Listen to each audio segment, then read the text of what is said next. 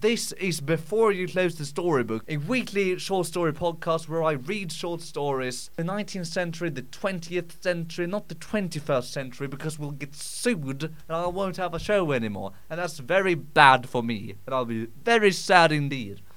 Well, we might have some. We might have some short stories from the 21st century because, um, well, Chase, I know they haven't disclosed this publicly.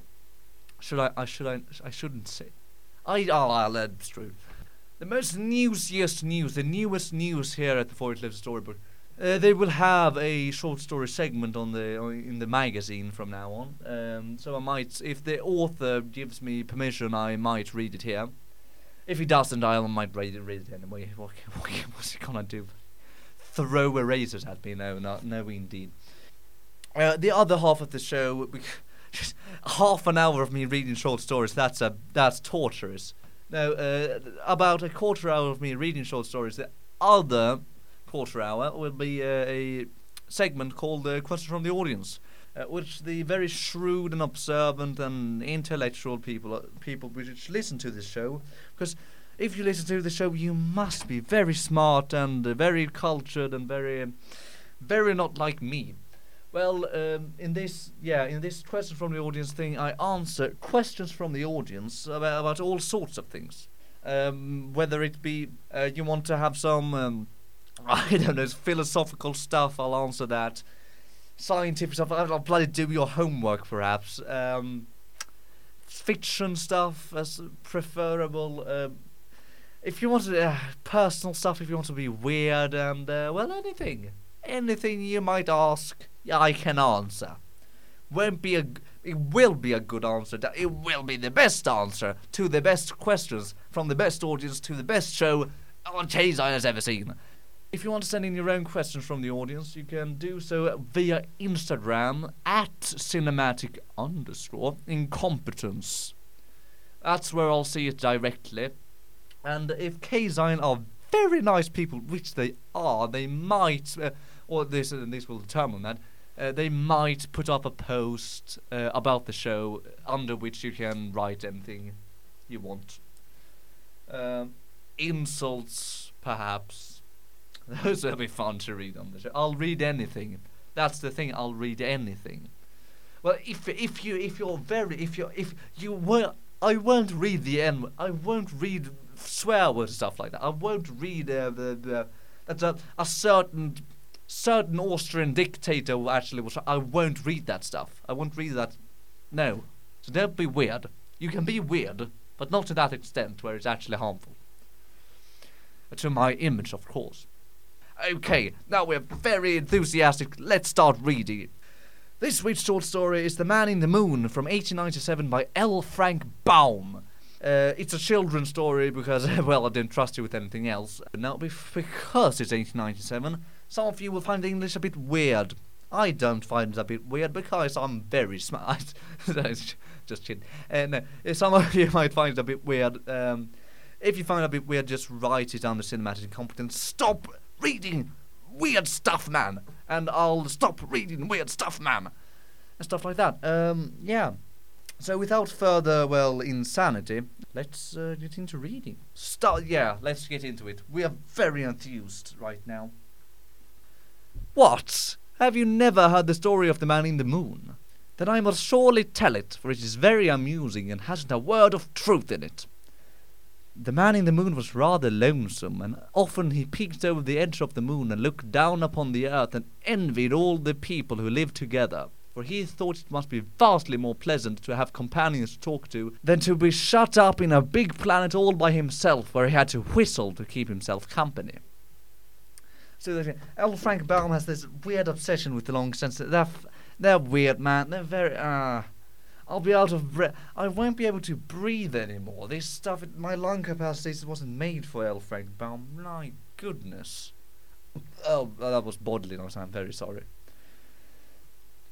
One day he looked down and saw an alderman sailing up through the air towards him. This alderman was being translated instead of being transported owing to a misprint in the law. And as he came near, the man in the moon called to him and said, How is everything down on earth? Everything is lovely, replied the alderman, and I wouldn't leave it if I was not obliged to. What's a good place to visit down there? inquired the man in the moon. Oh, Norwich is a mighty fine place, returned the alderman, and it's famous for its pease porridge. Then he sailed out of sight and left the man in the moon to reflect upon what he had said. The words of the alderman had made him more anxious than ever to visit the earth, and so he walked thoughtfully home and put a few lumps of ice in the stove to keep himself warm and sat down to think of how he should manage the trip. You see, everything went by contraries in the moon, and when the man wished to keep warm, he knocked off a few chunks of ice and put them in his stove, and he cooled his drinking water by throwing red hot coals of fire into the pitcher. Likewise, when he became chilly, he took off his hat and coat and even his shoes, and so became warm. And in the hot days of summer, he put on his overcoat to cool off.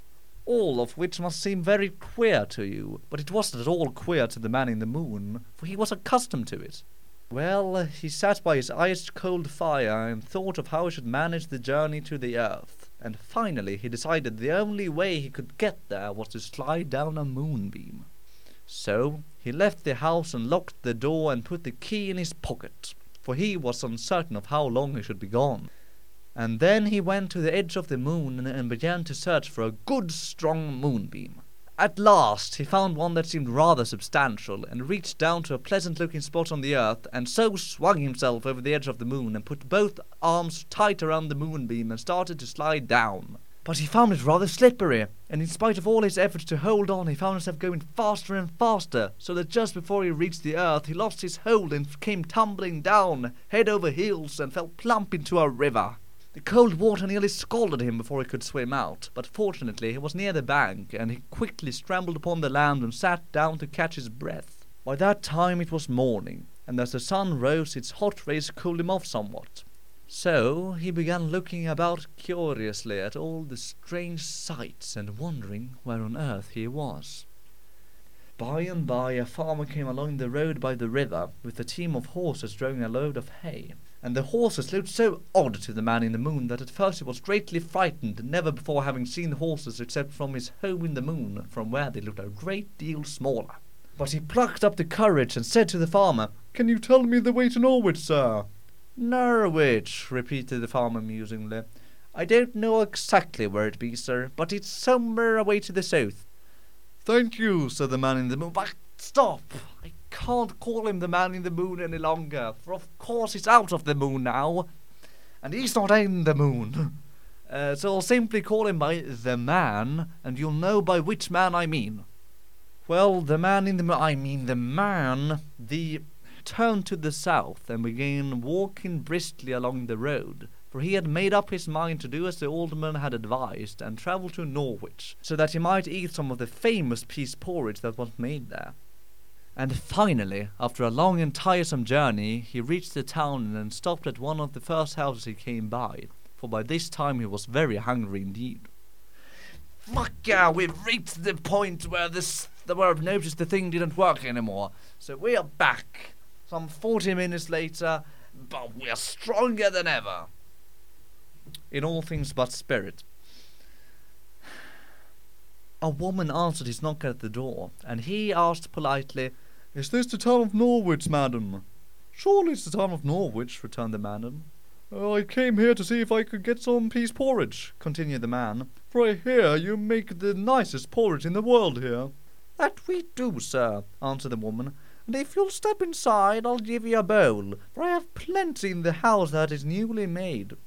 So he thanked her and entered the house, and she asked, Will you have it hot or cold, sir?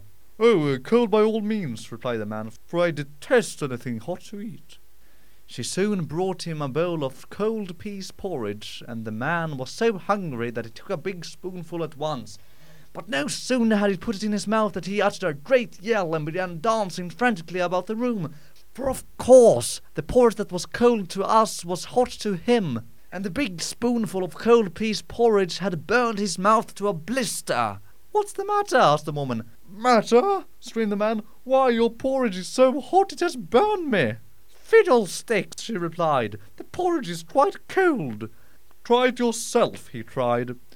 So she tried it and found it was very cold and pleasant. But the man was so astonished to see her eat the porridge that had blistered his own mouth that he became frightened and ran out of the house and down the road as fast as he could go.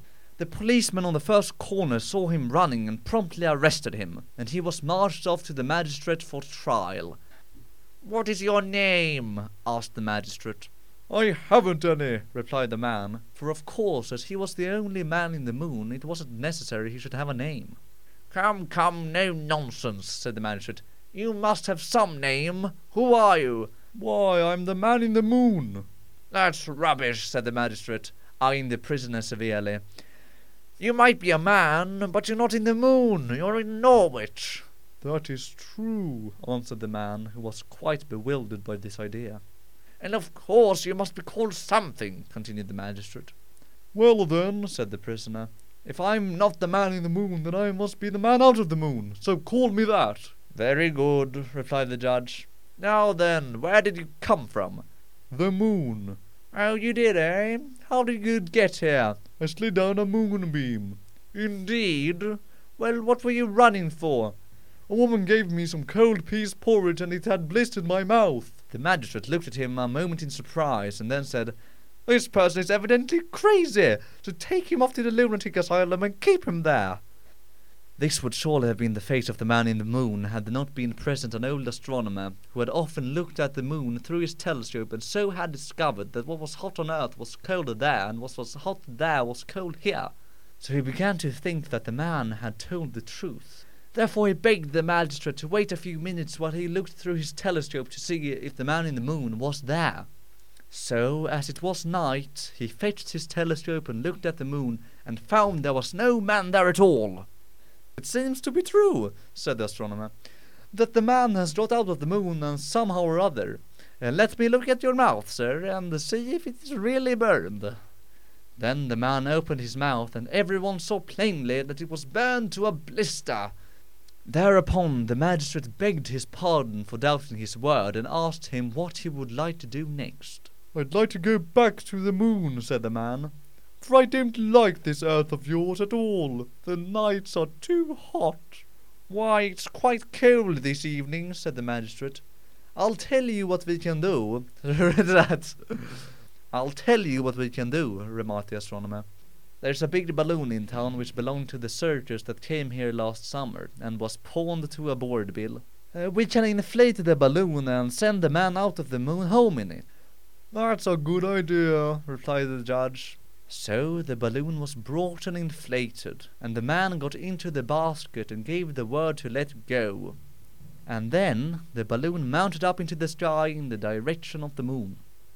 The good people of Norwich stood on the earth and tipped back their heads and watched the balloon go higher and higher, until finally the man reached out and caught the edge of the moon and behold, the next minute he was the man in the moon again. After this adventure, he was well contented to stay at home, and I've no doubt if you look through a telescope, you will see him there to this day. The end. Okay, this is uh, questions from the audience segment, but we uh, well we have no audience, uh, so I'll be answering questions that might arise about the show, so that you won't have to ask them later.